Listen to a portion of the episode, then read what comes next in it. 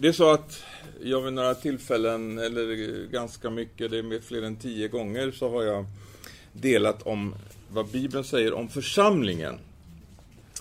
Och vi upplever det som väldigt angeläget att få veta vad Bibeln säger. För att eh, vi här i församlingen Agape, vi vill inte liksom följa någon slags eh, svensk eh, frikyrkonorm eller eh, liksom någonting som är, är eh, Eh, man eh, ja, baptistisk eller pingst utan vi vill gå direkt hit och se vad är liksom den bibliska mönsterbilden. Och då ser man ju att det, det, är mycket som har förändrats på vägen. Även om liksom de här eh, olika reformationerna har kommit så är det ju ändå faktiskt så att det finns en bit kvar till förändring som Gud verkligen vill med sin församling. Och vi har tagit upp liksom från eh, olika spektra eh, vad liksom Gud talar i sitt ord om församlingen. Och idag så kommer vi då eh, på ytterligare en, en, en infallsvinkel. Och jag ska försöka reda ut här idag vad ordet koinonia betyder och se liksom hur det används i Bibeln. Det, det är ett grekiskt ord som alltså finns i Bibelns grundtext. Och det, det, det har väldigt eh, betydande konsekvenser för församlingen om vi ska leva ut koinonia. Eh, det är ett ord som eh, betyder gemenskap i grunden, men det finns egentligen inget enskilt svenskt ord som liksom bara det kan översättas rakt över. För att det betyder så oändligt mycket mer än en gemenskap. Grundordet egentligen det handlar om ett slags eh, partnerskap eller ett, eh, kompanjonskap eh, eller en slags delaktighet. Alltså, det är någonting mer än en ytlig gemenskap. Det är någonting mer än att man går på en gud, samma gudstjänst, man, man delar fika tillsammans, man, man eh, sjunger samma lovsånger och, och, och, så vidare. Det är någonting mer vad Gud har tänkt med sin församling. Och det är därför också eh, det blir en sån oerhörd styrka. Eh, alltså, när vi läser apostlagärningarna så ser vi ju liksom från början där Petrus han predikar, omvänd er, låt döpa er och så ska ni som gåva få den heliga Ande. Och så står det, de som tog emot budskapet, de lät döpa sig och så kom de med i församlingsgemenskapen. Och, och, och Petrus han undervisar dem också, låt frälsa er ifrån detta bortvända släkte. Alltså omvändelse, det handlar om att vända sig från det bortvända. Om man, man, antingen så är man omvänd eller så är man bortvänd. Det finns bara två saker, det finns bara två lägen. Och är du omvänd, då är det liksom 180 grader, va? det finns inga mellanlägen.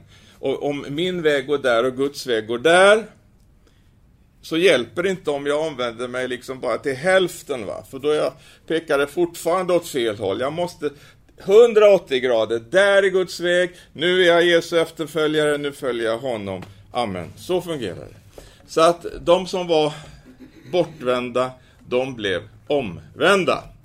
Och då ska vi titta på det här. Eh, för att här direkt efter den här fantastiska upplevelsen som ju de fick göra då Jesus hade lovat att de skulle invänta, de skulle få kraft att bli vittnen. Men det var också en kraft för att bli det, det, var också en kraft för att bli för att kunna leva ett kristet liv, för, för att leva församlingsliv. Nu hade man vänt sig bort Eh, ifrån det som var i världen. Nu hade man kommit in i någonting nytt. Inte in i ett vakuum, man lämnar någonting och så kommer till ett vakuum. Nej, här är det liksom, eh, det är fyllt va, utav, inte världens ande, utan av Guds ande. Och den eh, ande som formar oss tillsammans med Guds ord till likhet med Jesus. Halleluja. Vad står det om honom? Han utblottade sig, han gav ut allt. Han var lydig ända in till döden i korset. Så så ungefär det handlar om. Det handlar om att dö från sig själv och från sitt eget. För att liksom bli född på nytt, få ett nytt liv, le leva ett nytt liv. En ny livsstil. Halleluja. Och så att eh, första gången som det här ordet koinonia förekommer i Bibeln, det är då precis efter det jag precis nu har talat om i Apostlagärningarna, det andra kapitlet och i den 42 versen, så står det eh, om, om de första kristna att eh, de höll fast vid apostlarnas undervisning och vid gemenskapen, brödsbrytelsen och bönerna. Och det ord som står här, gemenskapen, det är alltså ordet koinonia. De höll fast vid koinonia. Och så att detta med uppfyllelsen på pingstdagen, det blev liksom den här eh, katalysatorn för den här eh, framväxande kristna livsstilen som blev en kontrast till det som då fanns liksom i den samtida kulturen. Och så att här bildar alltså eh, kristna från olika samhällsskick, alltså de som naturligt inte umgicks med varandra. Det kan vara kom, de som liksom kom eh, längst ner eller de som var längst upp på toppen. Det hade liksom ingen speciell betydelse i den här gemenskapen. Det var det sättet man liksom mäter i världen. Att eh, någon har en ställning eller en titel eller någonting. Men, men här så, så existerade det inte det, utan här fick alla komma till nollpunkten.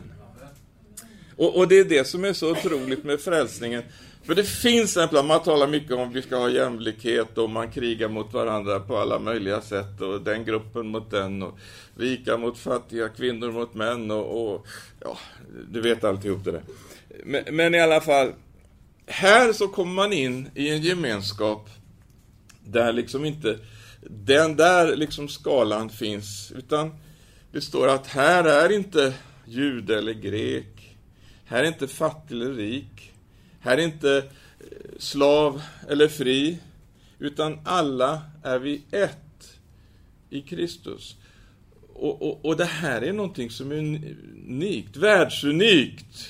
När det här får fungera så är det någonting som, eh, som liksom världen kan se utifrån och som man gjorde som eh, Tertullianus säger år 180 efter Kristus, att man sa ut i världen, se, se hur de älskar varandra. Alltså inte hur de talar om kärlek och dunkar varandra i ryggen och säger jag älskar dig, utan se hur de älskar varandra. Alltså praktiskt tillämpad kärlek. Och det är det som Gud har tänkt med församlingsgemenskapen. Men det här ordet, jag ska bara ta några exempel hur det används, för det används också, det används ungefär ett 20-tal gånger i Nya Testamentet. Och eh, i första Korinthierbrevet 1 och 9 så står det Gud är trofast, han som har kallat er till gemenskap med sin son Jesus Kristus, vår Herre. Så att vi ser att eh, här också är detta starka ord för gemenskap. Det handlar också om gemenskapen med Jesus Kristus.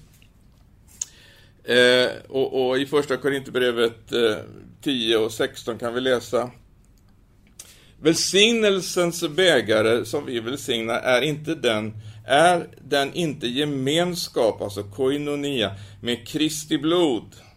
Brödet som vi bryter, är inte det gemenskap med Kristi kors? Så här används ordet igen. Och det används också eh, av Paulus i Filipperbrevet i det tredje kapitlet och den tionde versen, där han talar om att dela Kristi lidanden. Så att även här så används just ordet koinonia. Det står i 3 och 10 att då får jag lära känna Kristus och kraften i hans uppståndelse och dela, alltså koinonia, hans lidanden genom att bli lik honom i hans död i hoppet att få nå fram till uppståndelsen från de döda. Och koinonia, det används också när Paulus säger i Andra Korinthierbrevet 6 och 14, Eh, han talar om vilken slags gemenskap som vi inte ska vara delaktiga i. Eh, gå inte som omaka par i ok med dem som inte tror. Vad har rättfärdighet med orättfärdighet att göra? Eller, vilk, eller vad har ljus gemensamt, koinonia, med mörker? Och Eh, Johannes, han fortsätter på det här temat i, i första Johannes, eh, i det första kapitlet. I den tredje versen så säger han så här att det vi har sett och hört förkunnar vi för er, för att också ni ska ha gemenskap, koinonia, med oss. Och vår gemenskap, koinonia, är med Fadern och hans son Jesus Kristus. Och i sjätte versen i det här första kapitlet så säger han, om vi säger, alltså det spelar ingen roll vad vi säger, om vi säger att vi har koinonia, gemenskap med honom, och vandrar i mörkret, så ljuger vi och handlar inte efter sanningen. Men om vi vandrar i ljuset, liksom han är i ljuset, då har vi koinonia med varandra. Och Jesu, hans sons blod, renar oss från all synd. Halleluja. Så att den sanna gemenskapen, vi vandrar i sanningen tillsammans med Jesus Kristus, det är själva förutsättningen för den gemenskap, den koinonia, som vi kan uppleva med varandra. Och så står det att Jesus, hans sons blod, renar oss från all synd. Halleluja. Det är en underbar gemenskap. Det är mer än sådär gemenskap i största allmänhet, utan det, det är den här gudomliga, helige ande-gemenskapen. Halleluja! Som är en gemenskap med, med hela himlen, som vi delar med varandra genom att vi är ett i anden. Och, och, Det är det här som liksom är själva förutsättningen. För att du kan höra talas om ekumenik ibland. Men det är en total förfalskning utav vad det här handlar om. Man kan använda liksom de här orden som nu talar om den här typen av gemenskap, det jag talar om just nu, för att liksom eh, eh applicera det på någon slags eh, eh eh, avtal eller kyrkopolitisk uppgörelse om att vi är överens om si och överens om så, överens om så skriver man inte upp allt som man inte är överens om. Men så skriver man under och så har man liksom upprättat någonting som man kallar för ekumenik. Men ordet ekumenik, det betyder den bebodda världen. Alltså det är världen! Och vi ska inte ha världen. Vi ska ha församlingen, vi ska ha koinonia, den gemenskap som är den helige Andes gemenskap, som gör att vi liksom förenas med varandra, därför att vi vandrar i sanningen, vi har gemenskap med honom, och, och det här är, är, är vårt eh, vad säger, rättesnöre. Det är det vi följer, och det är den heliga Ande som för oss samman. Är du med på det? Och vi ska fortsätta. För att detta med koinonia, det går liksom långt utöver en slags ytgemenskap. Det, det, handlar liksom om, om, om, att stå tillsammans, det handlar om, eh, det används att vara delaktiga, det handlar om ett gemensamt eh, arbete och ett gemensamt arbete för evangelium. Och, och, och det handlar om att, eh, att liksom eh, vårda sig om varandra, om syskonen, att tänka minst lika mycket på syskonen och kanske alldeles speciellt de som lider eller har behov på olika sätt eh, än det vi liksom är upptagna med oss själva. För att eh, återigen, det här med självupptagenhet, det hör till världen. Det är världens sätt. Men eh, när vi kom in, halleluja, när vi tog emot frälsningen, när vi blev födda på nytt, när vi dog bort ifrån det gamla, halleluja, då, då, då blir det en helt ny ordning. Då, då är det inte vi som, som är i centrum, utan det är Jesus som är i centrum och han har, han har omsorg om alla. Eh, det står så här, när vi läser om vad som sedan skedde Eh, i, i Jerusalemförsamlingen, vi vet att det skedde på olika sätt i de olika församlingarna, men här var det som bara kom liksom som en eh, spontan, naturlig reaktion. Man hade blivit så fylld av den heliga Ande så att de som tittade på dem undrade, ja men de där måste vara onyktra liksom. De, de är helt... Eh, nej, sa Petrus, det är de inte. De har fått den heliga Andes vin. Eh, men i alla fall, i Apostlagärningarna 2 och 42 så, så, så, är ju den här versen som jag läste nyligen, men som kommer i fortsättningen. Alltså det, de höll troget fast i apostlarnas undervisning och vid gemenskapen, brödsbrytelsen och bönerna.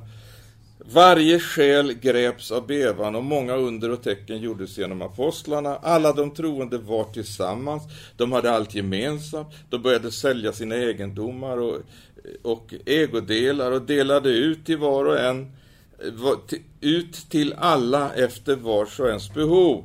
Var dag var de troget och endräktigt tillsammans i templet, och i hemmen bröt de bröd och delade måltid med varandra i jublande och innerlig glädje.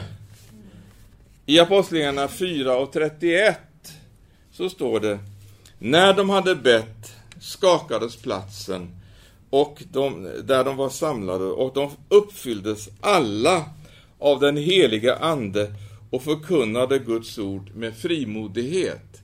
Men det var inte bara, ska jag inte säga, men det, det, var någonting ytterligare än att man förkunnade, utan det var också någonting som gick djupare ner i livet. Och fortsättningen här, så är hela skaran av de som kommit till tro var ett hjärta och en själ. Och ingen kallade något av det han ägde för sitt, utan de hade allt gemenskap, med stor kraft bar apostlarna fram vittnesbördet om Herren Jesu uppståndelse. Och stor nåd var över dem alla, ingen av dem led någon brist. För alla som hade mark eller hus sålde sånt som de ägde och bar fram betalningen för det som sålts och la ner det vid apostlarnas fötter. Och man delade utåt var och en efter hans behov. En del blir oroliga när man läser de här texterna och tycker att eh, ja, men nu går det väl ändå lite för långt. Jag har inte sagt att vi ska införa någon egendomsgemenskap i församlingen. Jag vill bara visa på vad det liksom fick för resultat i den första församlingen. Detta att man var ett hjärta och en själ. Det, inne, det innebar att liksom det här förhållandet som vi har liksom till det materiella, till ägodelar och så. Det, det, var, ett, det var liksom band som bröts och, och så såg man att okej, okay, jag har, men han har inte. Så, så då ska det liksom bara... Eh, ingen ska lida nöd i församlingen. Det är vad Gud har tänkt. Det, församlingen ska representera Kristi rättfärdighet. Och det är orättfärdigt att några har så mycket så att de inte vet vad de ska göra och andra, de vet inte hur de ska klara eh, maten imorgon eller liksom hyran nästa gång. Det är inte nya testamentligt församlingsliv. Och den heliga Ande vill väcka oss på det här området eh, så att vi liksom kan vara med och, och, och ha omsorg om varandra på ett annat sätt än vi kanske har. Jag vet att för många är det här naturligt, så att eh, det är inte det jag säger. Men kanske är vi andra som behöver väckas över det att eh, våra pengar är inte våra pengar, utan det har vi fått i ett förvaltarskap. Det är Gud som har gjort det möjligt för oss att kunna få de där pengarna. Så när vi har dem i våra händer då, då, då handlar det om att förvalta dem på ett rätt sätt. Men eh, jag ska läsa också Hebreerbrevet 13 och 15. Och då står det så här. Låt oss därför ständigt genom honom frambära lovets offer till Gud.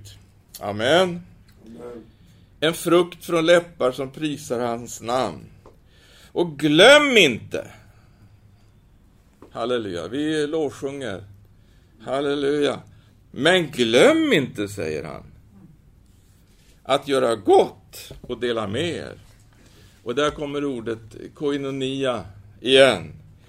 För sådana offer behagar Gud. Alltså lovets offer. Vi, vi bär fram ett offer genom vår lovsång. Men det finns också ett annat offer som handlar om att vi delar med oss och, och så, så, så, så, vidare här.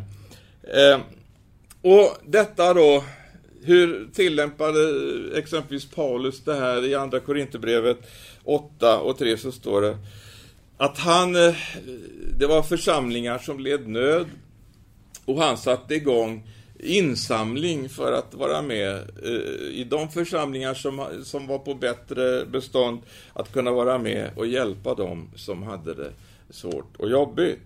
Eh, och i Andra Korinthierbrevet 8 och 3 så står det eh, att han eh, ger som ett exempel här en församling som har verkligen varit gett han säger så här, de har gett efter sin förmåga, ja, över sin förmåga. Och det var helt frivilligt, det kan jag intyga. Ivrigt vädjade de och bad oss om nåden att få vara med i hjälpen till de heliga. Och här har vi alltså ordet koinonia igen, hjälpen till de heliga. Och de gav inte bara det vi hade hoppats, utan de gav sig själva. Först och främst åt Herren och sedan åt oss efter Guds vilja.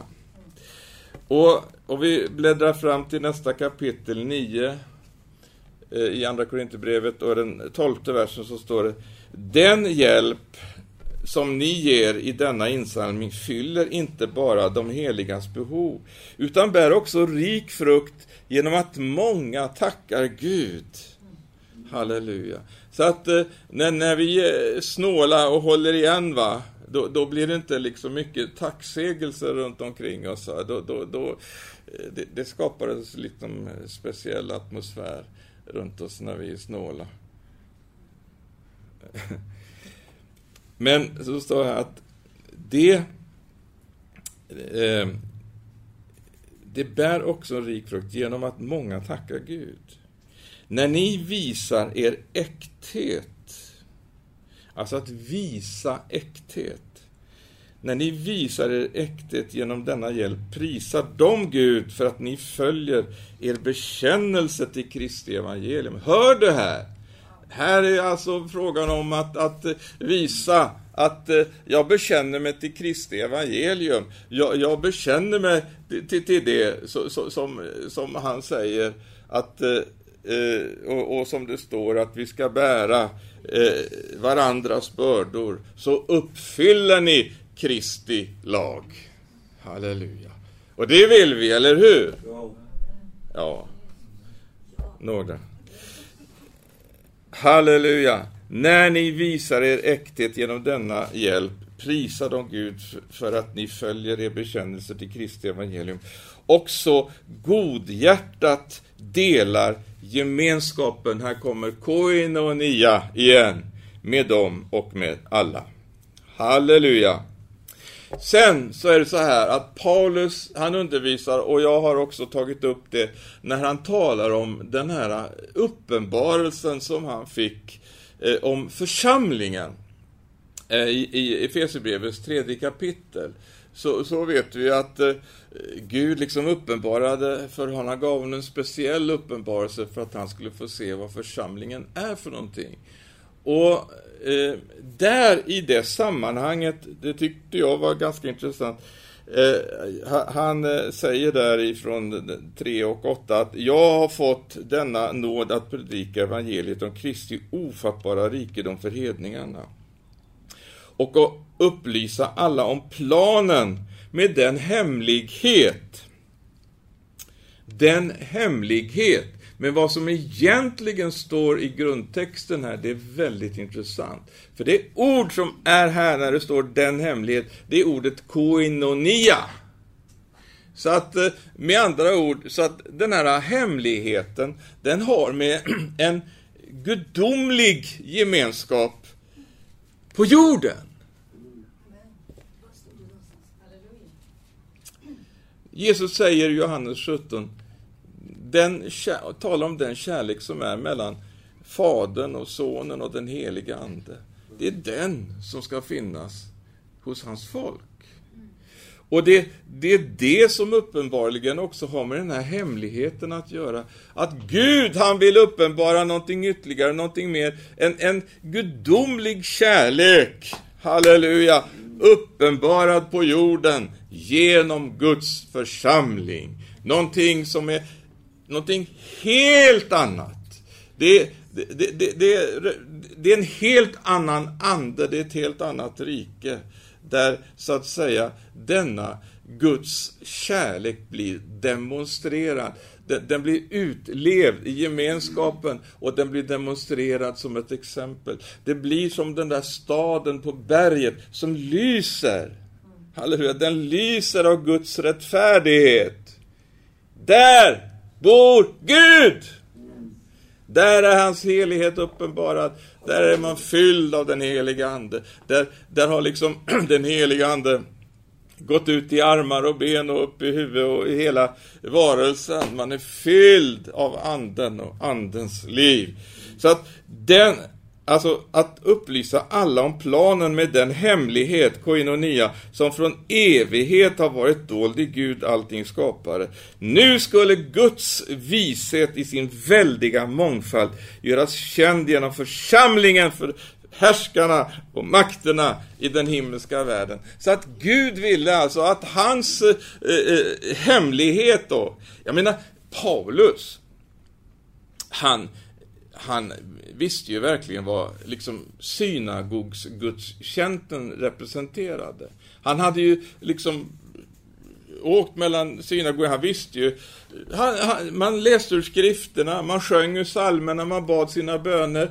Och, och, och ungefär som, som det sker i frikyrkor idag. Men Gud vill någonting mer. Han vill uppenbara sin hemlighet för våra hjärtan så att vi förstår att detta med hans församling, det är någonting som går djupare.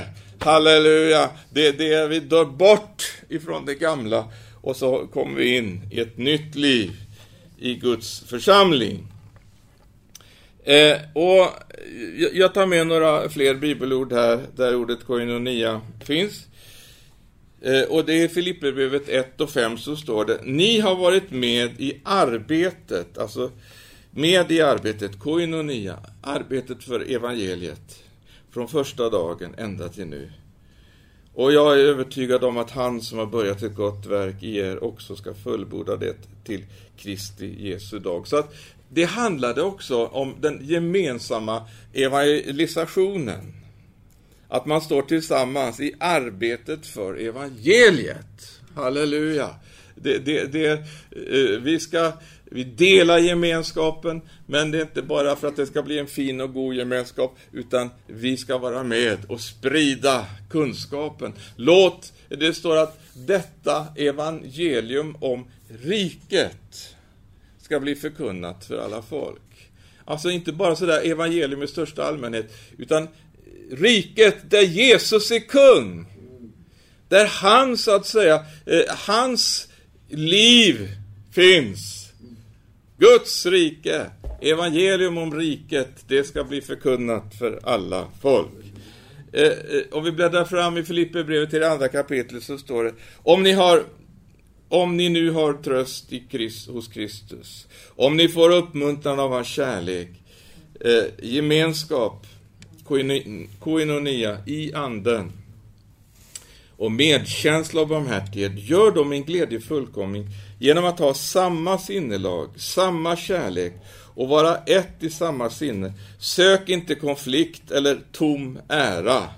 Var istället ödmjuka, sätt andra högre än er själva. Se inte till ert eget bästa, utan också till andras. Var så till sinne som Kristus Jesus var. Och egentligen, det borde väl vara det mest naturliga för oss, om vi nu liksom säger, jag är kristen, så härleder ju det namnet till Kristus, eller hur? Och, och då, då är ju det, då vill vi ju reflektera, återspegla, liksom det han är, det han representerar, det liv som är av honom. Kristus bor i er, säger Paulus. Halleluja. Och när Kristus bor i er, halleluja, då händer det saker. Eh, så att eh, de, de eh, flesta kristna kan en bibelvers utan till. Man brukar kalla det för lilla bibeln. Är det någon här som vet vad jag åsyftar? Nej, ni är inte kristna. Johannes 3 och 16. Prästen visste det i alla fall. Så älskade Gud världen att han utgav sin enfödde son för att var och en som tror på honom inte ska gå förlorad utan ha evigt liv.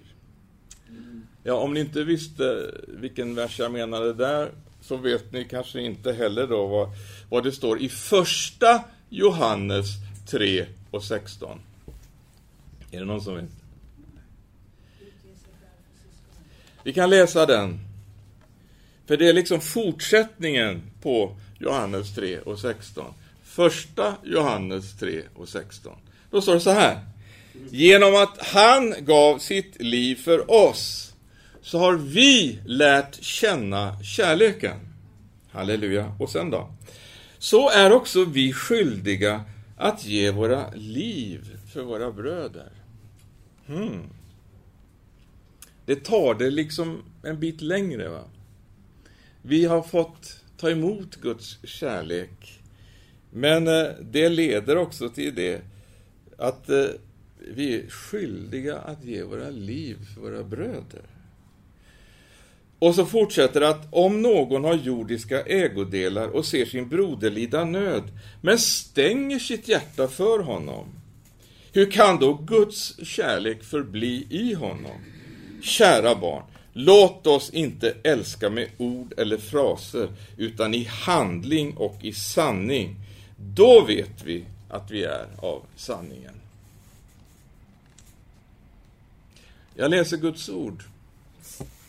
Och, och vi känner att det, det, liksom, eh, det, det går in här och, och det, det, står att ordet, Guds ord, det är ett tvegat svärd. Det går in och, och, och det åtskiljer själ och ande, märg och ben och en domare över hjärtats uppsåt och tankar. Och det är viktigt att ordet får verka på det sättet i våra liv. Att, att, eh, att vi liksom inte försöker sätta ett kristet företecken förtecken framför ett eh, världsligt liv. Utan att vi vill leva det liv som det faktiskt handlar om här. Och jag kanske läser versar som du inte hör i alla predikningar. Men vi måste få med allt Guds ord. Det är så viktigt. Och jag vill dela här i slutet ifrån Romarbrevets tolfte kapitel, de första verserna där, så, så står det om Eh, och det läser vi ibland, Romarbrevet 12 och 1. Därför uppmanar jag er bröder vid Guds barmhärtighet att frambära era kroppar som ett eh, levande och heligt offer som behagar Gud, er andliga gudstjänst. Och anpassa er inte efter den här världen, utan låt er förvandlas genom förnyelsen av ert sinne, så att ni kan pröva vad som är Guds vilja, det som är gott och fullkomligt och behagar honom. För det första, när vi läser den här versen så ser vi att eh, vi ska frambära, ni ska frambära era kroppar. Det är plural. Eller hur? Era kroppar, flera stycken, flertal. Eh, så att här har vi då många. Men så står det här att vi ska frambära, vi ska frambära våra kroppar som ett ett levande och heligt offer som behagar Gud. Här blir plural singular. Varför då? Därför att när offret bärs fram, när vi allesammans offrar våra liv, vi ger våra liv, vi dör bort ifrån oss själva, vi överlåter oss åt honom, då blir vi ett. Då blir det ett offer. Halleluja! Det blir ett levande, heligt offer som behagar Gud, er andliga gudstjänst. Halleluja! Så att här, vid offeraltaret, det är där enheten uppstår. Det är när vi överlämnar oss själva, när vi ger våra liv. Vi ger upp vårt eget liv, Jesus. Och vi säger som Paulus, nu lever inte med jag, utan Kristus lever i mig. Och så blir vi en kropp i Kristus. En kropp, våra kroppar. Ett levande heligt offer. En kropp. Kristus är huvudet, inte en massa huvuden med, med massa olika viljor, utan ett huvud. Och så är vi lemmar i en och samma kropp. Halleluja. Det är en fantastisk kallelse. Hur mycket kostar det att bli kristen?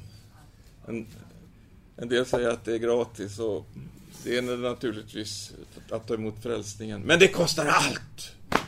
Det kostar allt. Och, och Jesus han säger att den som ska bygga ett torn, ska sätta sig först och ner och beräkna kostnaden. Halleluja. Men vi vill följa Jesus.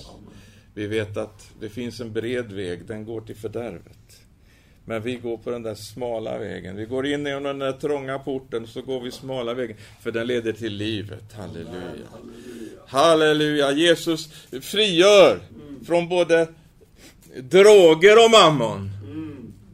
Både ifrån, från, från olika ting som så att säga kan, kan binda här i världen. Han frigör oss på alla områden. Halleluja. Halleluja! Halleluja. Där anden är, där är frihet. Ja. Halleluja. Åh, vad skönt det är. Och vara fri.